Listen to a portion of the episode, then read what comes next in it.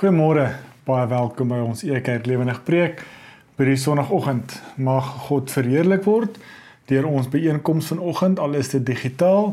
Mag jy wel ook al jy hierdie opname kyk of selfs regstreeks saam met ons kyk, mag jy ook God se genade en vrede beleef tydens hierdie woordverkondiging. Amen.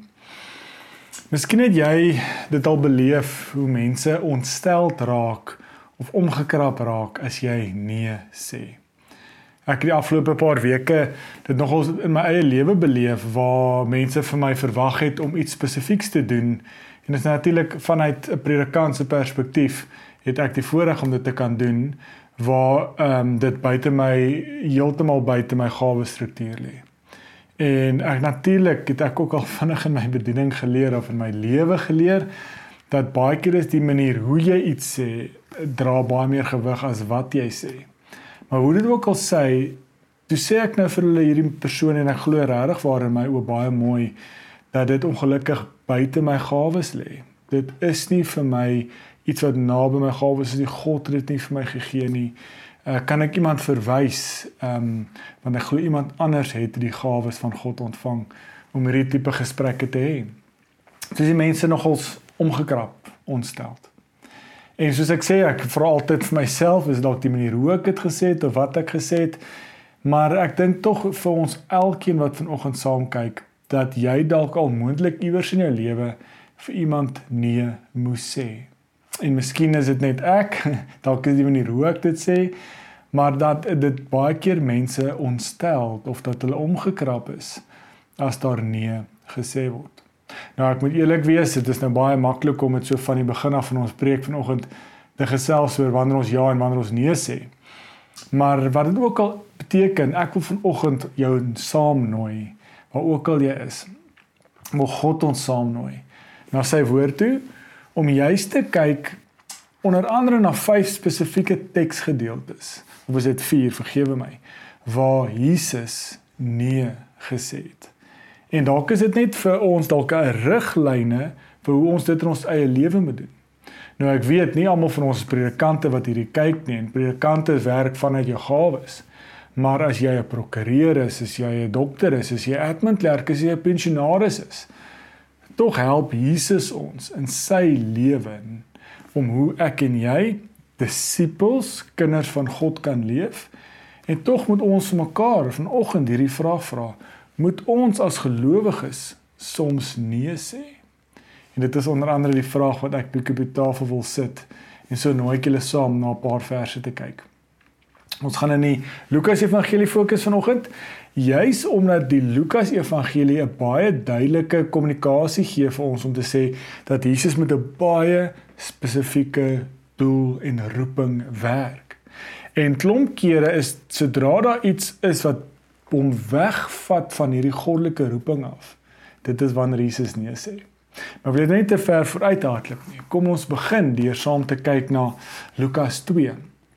Nou Lukas 2 gaan nie die hele teks vir ons lees nie, maar Lukas 2 vanaf vers 39 lees ons waar Jesus as 12-jarige kind saam met sy ouers Maria en Josef in Jerusalem is en hulle is op pad terug na die feesviering is op pad terug na Nasaret toe.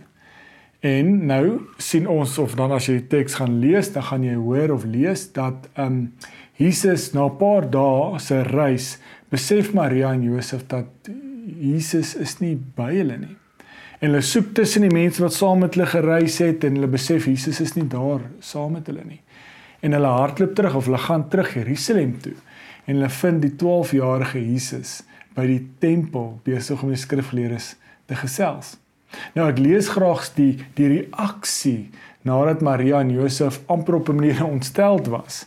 Um en toe vers 46. Na 3 dae het hulle hom in die tempel gekry. So dit is solank Maria en Josef soek na Jesus. Daar het Jesus tussen die geleerdes gesit, na hulle geluister en aan hulle vra gevra. Almal wat hom gehoor het, was beïndruk en verbaas oor sy insig en antwoorde. Toe sê Jesus: "Toe Jesus se ouers hom sien, was hulle baie verlig. Sy ma vra hom toe: "My kind, waarom het jy so met ons gemaak? Jou pa en ek was dood van bekommernis terwyl ons na jou gesoek het." Nou tot op daai gedeelte kan ons op 'n manier sê dat en ek wil nou op dit bietjie tong en kies maar met baie respek sê. As as ons kinders vandag saam kyk, dan moet hulle die die die volle boodskap hoor. Maar Jesus sê in hierdie opdrag as 12-jarige kind nee vir sy ouers.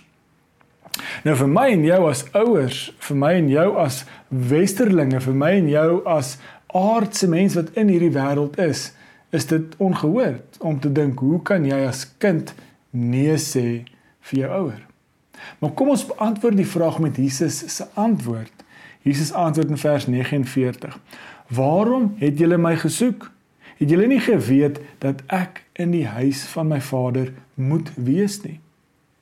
So dit is Jesus se antwoord. Hy sê ek verstaan nie hoekom soek julle my nie. Ek verstaan hoekom julle ontsteld nie. Ek moet besig wees met die dinge van my Vader. So daai woord moet gaan ons nog 'n paar keer hoor vandag en as ons al die Bybelskole bygewoon het van die Lukas Evangelie, dan is dit onder andere hierdie Griekse woord wat gebruik word waar Jesus uit en uit of Lukas ons uitdruklik sê dit is Jesus se roeping, so goddelike roeping. Ek moet besig wees met die dinge van my Vader. Waarmee moet jy besig wees? Kom ons begin dalk deur te vra waarmee is jy besig? Nou wat Jesus hier vir ons sê, wat Lukas vir ons sê deur Lukas 2 is nie dat ons ongehoorsaam moet wees aan enige ouer figuur of enige magsfiguur nie. Maar wat Jesus hier sê is ek kies, ek is gestuur deur my goddelike Vader en ek tree op vanuit my goddelike identiteit en ek moet besig wees met my Vader se dinge.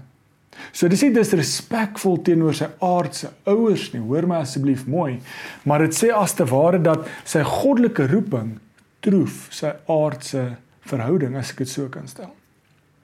So kom ons trek dit deur vir my en jou vandag. Ek sê altyd vir die mense maak nie saak of jy admin klerk is of 'n uh, PA is of 'n prokureur of pensionaris of 'n huisvrou of 'n wat ook al jy is vra mense altyd wat doen jy? Waarmee is jy besig? En Stefan help ons altyd so. Hy sê so mooi, moet ons eerste antwoord nie wees ek is 'n voltydse volgeling van Jesus Christus nie. Is dit nie my en jou identiteit nie? En ja, ek en jy as voltydse volgeling van Jesus is 'n admin klerk, is 'n prokureur, is 'n dokter, is 'n chirurg, is 'n pensionaris. Maar jou eerste beweegrede, jou identiteit lê daarin dat jy 'n kind van God is en dat jy 'n voltydse, nie deeltydse nie, 'n voltydse volgeling is van Jesus Christus. So as jy dit snap, dan is jou vraag eerder, hoe tree ek as voltydse volgeling op met as ek 'n ontvangsdame is?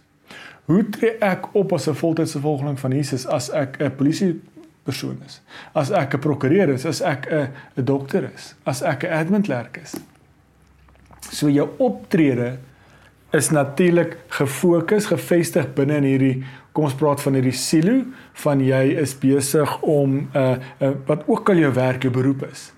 Maar jou identiteit bepaal dat jy 'n kind van God is en dit bepaal dat jy optree binne 'n verhouding met Jesus Christus, maar ook so hoe jy optrede lyk as kind van God. So is dit nie dat die eerste merker wat Jesus hier vir ons sê nie om te sê nee vir ons aardse identiteit. My identiteit is nie gekoppel aan wat se graad ek het, wat my inkomste, wat se kar ek ry, waar ek bly nie. Maar my identiteit en dit is waarvoor ek ja sê, is dat ek 'n kind van God is.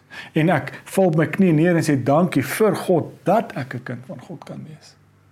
So ons moet nee sê, soos Jesus vir aardse plikkings wat ons aardse identiteit wil probeer steel.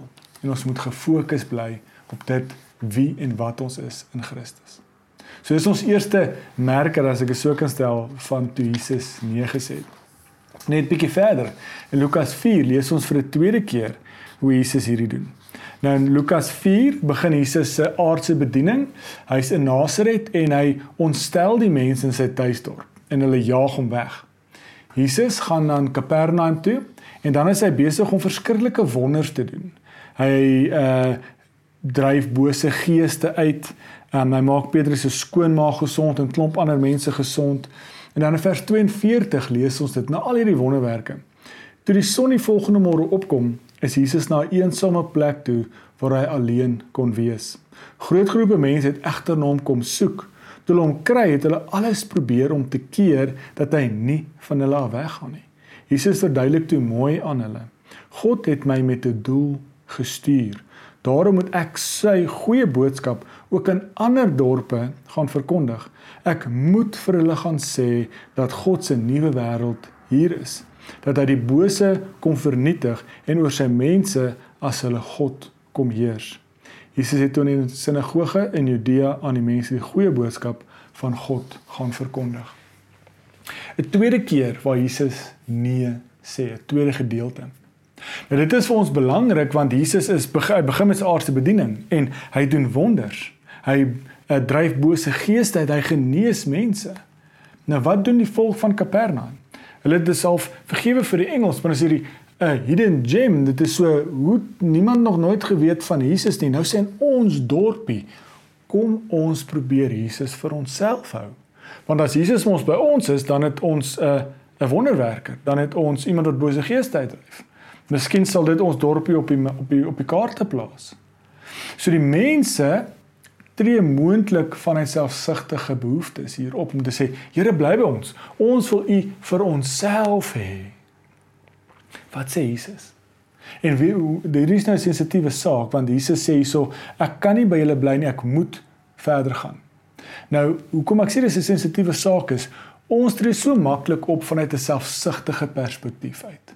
Ons wil God vir onsself hê. Ons wil hierdie wonderwerk vir onsself, ons wil hierdie openbaring vir onsself hê. En wat Jesus hier vir ons sê is dat ek het 'n baie spesifieke maar baie gedetailleerde roeping ook. Want as en dis 'n sensitiewe saak. As ons vandag as kerk so 'n situasie beleef het, dan sou ons ons gesê ons gaan net 'n kerk plant want ons hier's mos 'n aanvraag. Hier's mense wat in die banke kom sit, hier's mense wat wonderwerke nodig het, hier's bose gees, ons kan dit uitdryf. Ons gaan net hier bly. So dit sou nie verkeerd gewees het. Jesus sou sy roeping uitgeleef het want hy sê die koninkryk van God verkondig het. Maar dit is waar die fyn detail belangrik is. Wat sê Jesus? Ek moet die koninkryk van God verkondig aan alle nasies, aan die ander dorpe ook. En as ons verder kyk na Lukas 24, gaan sê presies dit, gaan na al die nasies toe. Aan die ander woorde, Jesus het nie gekom vir 'n dorpie nie. Jesus het gekom vir die wêreld. En dit is nou die fyn detail wat ons jammer vir Engelse woorde, inligting wat ons moet hê as ons begin vra hoekom en wanneer moet ons dalk moontlik nee sê. So die eerste vraag wat jy vir jouself moet vra en God moet hierdie aan jou openbaar. Een is jy besig met 'n menslike roeping of jy besig met 'n goddelike roeping? En al is daar 'n aanvraag al wil die samelewing te al is die samelewing mense om ons tevrede met wat ons doen Ons is nie hier om mense tevrede te stel nie. Ons is hier en God het hierdie roeping in ons harte geplaas. En dit gaan eendag wees vir ons vir God moet staan en sê Here, het ek u roeping.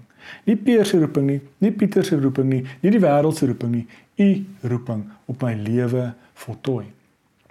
En dit is dalk wanneer hierdie fynere inligting belangrik is om te sê, ja, as jy nou prokur, as jy nou slimmer was, sou jy gesê het, okay, ehm um, ek is besig om die koninkryk te verkondig, so ek net hier bly. Maar mag God ook hierdie oë vir ons oopmaak om na die fynere inligting, fynere detail te kyk om regtig waar besig te wees met dit wat God van ons vra. En dit is dalk moontlik wanneer ons mag begin nee sê. Om te sê ek gaan nou iemand gelukkig tevrede maak deur hom of haar te help. Maar is dit om hom of haar tevrede te hou of is ek gehoorsaam aan die roeping wat God vir my gegee het? En God se roeping troef 'n aardse persoon se tevredenheid se roeping. 'n Derde merker wat ons so kry, 'n derde geleentheid waar Jesus hierdie nee sê, kry ons bietjie op die einde van sy reis. Ons nou begin van Lukas 4 en nou deur die hele evangelie sien ons hoe Jesus meer en meer inligting vir ons blootstel om te sê hoe hierdie roeping lyk. Lukas 9 vers 22 dan bely Petrus dat Jesus die Christus is. En dan sê Jesus ja, hierdie Christus wie ek is, ek moet oorgelewer word, ek moet ly, ek moet sterf. Wie hierdie goddelike roeping. So Jesus besef en help ons om te besef hierdie roeping is net om besig te wees met dinge van sy Vader nie. Hy moet nie die koninkryk van God verkondig nie, maar hierdie pad loop waar hy doodloop aan die kruis en is in Jerusalem. In Lukas 9:51 wys dit vir ons om te sê ek moet Jerusalem toe gaan want dit is waar hierdie goddelike roeping wat God op my geplaas het, vir my gestuur het, moet ek gaan eindheid maak. Moet ek gaan voltooi in Jerusalem. So as jy ons Bybelreis op Vrydag bywoon, dan is ons juis besig met hierdie Bybelreis om te sê vanaf Lukas 9 tot 19 reis Jesus met hierdie doelgerigtheid, hierdie eindbestemming voor sy oë, gefokus na Jerusalem toe om sy goddelike roeping te voltooi. Maar net voor in Jerusalem aankom, hoor ons 'n interessante verhaal. Dis Lukas 9 vanaf vers 1. En dit is dan natuurlik Saggeus, die verhaal van Saggeus. Jesus was besig om deur hierdie goed te stap. Natuurlik net voor Jerusalem is Jerigo. 'n Man met die naam Saggeus het daar gebly. Hy was die hoof van die tollenaars wat dikwels oneerlik belasting ingesamel het. Hy was baie ryk. Hy wou baie graag sien hoe Jesus lyk. Omdat hy te kort was, kon hy nie oor die koppe van die mense sien nie. Hy het daarom vooruit gehardloop en in 'n wilde vyeboom gaan klim om Jesus mooi te sien, want hy sou daar langs verbystap. Toe Jesus daar aankom het hy opgekyk en vir Saggeus gesê: "Saggeus, klim af, want ek moet vandag by jou aan huis bly." Ba uh, baie bly klim hy toe vinnig af en verwelkom Jesus. Nou wat is ons interessant met hierdie verhaal? Ek het dan net gepraat van Lukas 2 wat Jesus se goddelike dringendheid hy moet besig wees met dinge van sy Vader. Lukas 4 is hy kan nie by by 'n gemeenskap bly nie. Hy moet dit na ander nasies toe gaan. Jesus moet Jerusalem toe gaan om hierdie eindbestemming om homself dood te loop aan die kruis om hierdie koninkryk vir God in te lei. Nou is hy op hierdie doelgerigte missie gefokus. Wat doen hy? Hy stop.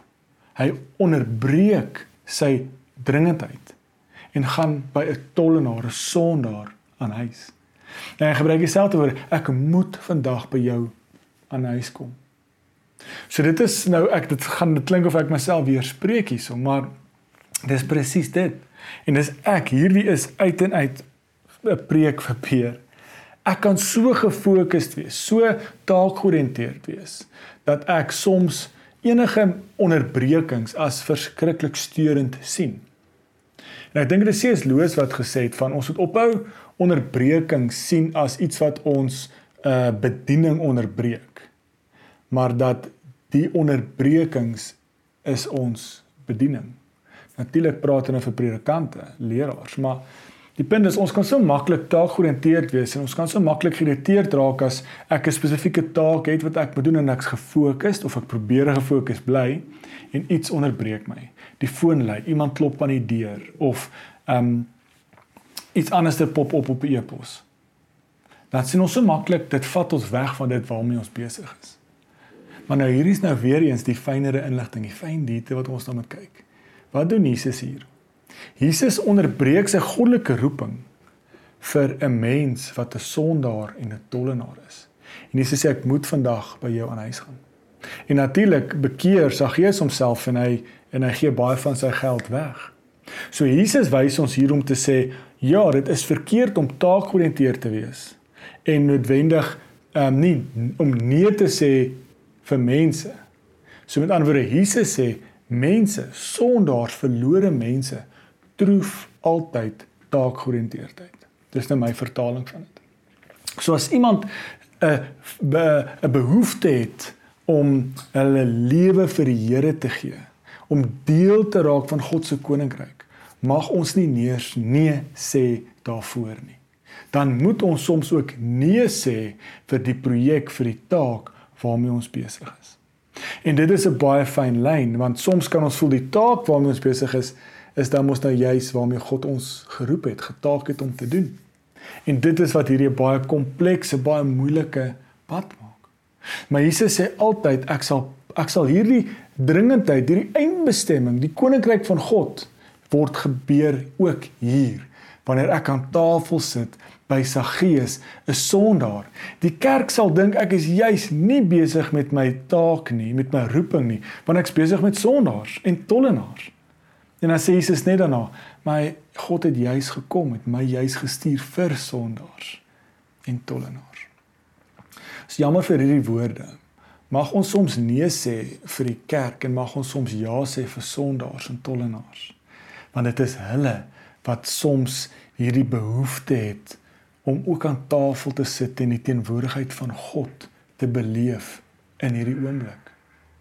Mag ons ja sê vir mense en mag ons soms nee sê vir take. Die laaste merker wat ons het vandag is die groot nee. Lukas 22. Jesus kom in Jerusalem aan en natuurlik is hy besig om oorgelewer te word of hy's um, Judas het hom verraai. En dan lees ons um Lukas 22 vers 39. Jesus het is toe van Jerusalem af soos gewoonlik na die Olyfberg toe. Sy disippels is ook saam. Hulle het daar aangekom en begin gesels. Vra vir God om julle altyd te help om nie mislei te word en op so op die verkeerde pad te beland nie, sê Jesus vir hulle. Jesus stap toe eentjie van hulle weg, omtrent so ver as wat mense klip kan gooi. Daar kniel hy en begin met sy Vader praat. "My liewe Vader," sê hy, "asseblief as dit u goedkeuring wegdra. Gee dat ek nie hierdie pad van lyding hoef te loop nie. Maar as u anders besluit, is dit ook goed, want dit gaan nie oor wat ek wil hê nie, maar wat u wil. Daar kom toe 'n boodskapper van God, 'n engel uit die hemel en praat hom moed in. Die vrees het Jesus nog meer beet gepak. Hy het nou met groot erns by sy Vader gepleit. Die sweet het van hom afgetap en groot soos bloeddruppels op die grond geval. Ons ken hierdie aand in Olyfberg in Getsemane, tuin van Getsemane waar Jesus nee wou sê. Jesus het besef hierdie eindbestemming, dit waarvoor God my geroep het, hierdie goddelike roeping waarmee ek 'n dringendheid en 'n doelgerigtheid mee loop, loop uit op die dood, loop uit op 'n sterwe, loop uit op lyding. En Jesus wou dit nie doen nie. Ons lees hier waar hy pleit met sy Vader, met God en sê Here, ek ek wil hierdie nie doen nie. En kan ek en jy vandag dankie vir God sê dat hy ja gesê het vir die kruis. Sodat ek en jy nee kan sê vir die dood. Sodat ek en jy 'n ja kan kry vir ewige lewe by God. Want as Jesus Jesus se nee maak ook dat dit 'n nee is vir die dood dit was dalk nie 'n maklike pad nie. Dit is 'n pad wat ons nie eens kan indink nie. Maar Jesus wat uiteindelik ja sê vir die kruis, raakte ook 'n nee vir die dood. Want 3 dae later is hy die dood uit opgewek. So dit is deur hierdie slegte van pyn en lyding en dood is daar ook nie 'n permanente, 'n permanensie aan hierdie dood nie. En sy ja word 'n nee vir die dood sodat ek en jy ook 'n ewige lewe kan hê by God. Sodat ek en jy 'n ja kan sê, 'n ja kan leef agter Jesus aan as 'n kind van God, as 'n voltydse volgeling van Jesus Christus. Mag ons elke dag daai ja sê vir die lewe. Ja sê om 'n lewe te leef agter Jesus aan. Mag ons soos die 12-jarige Jesus mag ons elke dag nee sê vir goed wat ons wegvat, ons aandag afsteel van ons goddelike roeping as kind van God. Mag ons soos Jesus in Lukas 4 soms nee sê vir die populêre uh, wil ek amper sê kultuur of vir die samelewing vir 'n behoefte vir selfsugtigheid soms sodat ons gefokus is op die fynere detail waarvoor God my en jou gestuur het. Mag ons ook soos Lukas 9:10 soms nee sê vir die taak waarmee ons besig is en ja sê vir onderbreking as dit kom by mense as dit kom by mense wat deel kan raak van God se koninkryk, 'n verlore skaap tuis kan kom. Mag ons elke oomblik van elke dag dankie sê vir God. Vir Jesus dat hy nie die laaste nee gesê het nie, maar dat hy ja gesê het vir die kruis en dat dit 'n nee geraak het vir die dood, maar dat ek en jy ook 'n ja kan hê vir die ewige lewe. Kom ons bid saam. Vader wat in die hemel is, dankie vir die liefde, vir die genade Dankie dat ons by u kan leer oor hoe om nee te sê, maar ook wanneer om nee te sê, Heer. Maar mag ons ook nie lelik wees as ons dit doen nie, mag ons altyd dit doen vanuit u roeping wat u op ons harte geplaas het. Mag ons altyd ja sê vir die koninkryk. Mag ons altyd deel wees van hierdie groot reddingsspan wat U ons gestuur het om U koninkryk te versprei as 'n aangename geur in die wêreld. Here, is nie altyd maklik om nee te sê nie. Ons stel soms mense te leer, so maak ons mense soms kwaad. En Here, laat hulle dit ook verstaan as dit van U afkom, Heer. Maar help ook dat ons dit nie doen om ons eie wil te beskerm of om ons net vir onsself nie. Maar laat ons dit altyd met bepeinsing doen met wat U Gees ook op ons harte plaas, Heer. Sodat ons ook gaan kan gehoorsaam wees aan die roeping wat U vir ons gegee het. Heer, ons vra dit natuurlik nie omdat ons dit verdien nie, maar in U seën en ons verlosser se naam, die Here Jesus Christus. Amen. Baie baie dankie. Het ingeskakel het op die Vrydagoggend. Ons nooi hulle ook uit. Ons uh, Bybelskool op Woensdaande het afgeskop verlede Woensdag. Ons Stefanie Werf vir ons inleiding gegee het in die Bybelboek Jeremia. Maar indien jy hom gemis het, moenie bekommer nie. Jy kan na die opname gaan kyk op ons webtuiste. Ook so is ons eerskomende Woensdag aand nog steeds regstreeks met die tweede episode. Jy kan saam inskakel op al ons platforms of op YouTube. Ook soos uh, eerskomende Vrydagoggend is ons weer verder besig met ons Bybelreis juis deur hierdie Lukas verhaal. Mag julle God se liefde en genade en nabyheid in hierdie tyd beleef. Totsiens.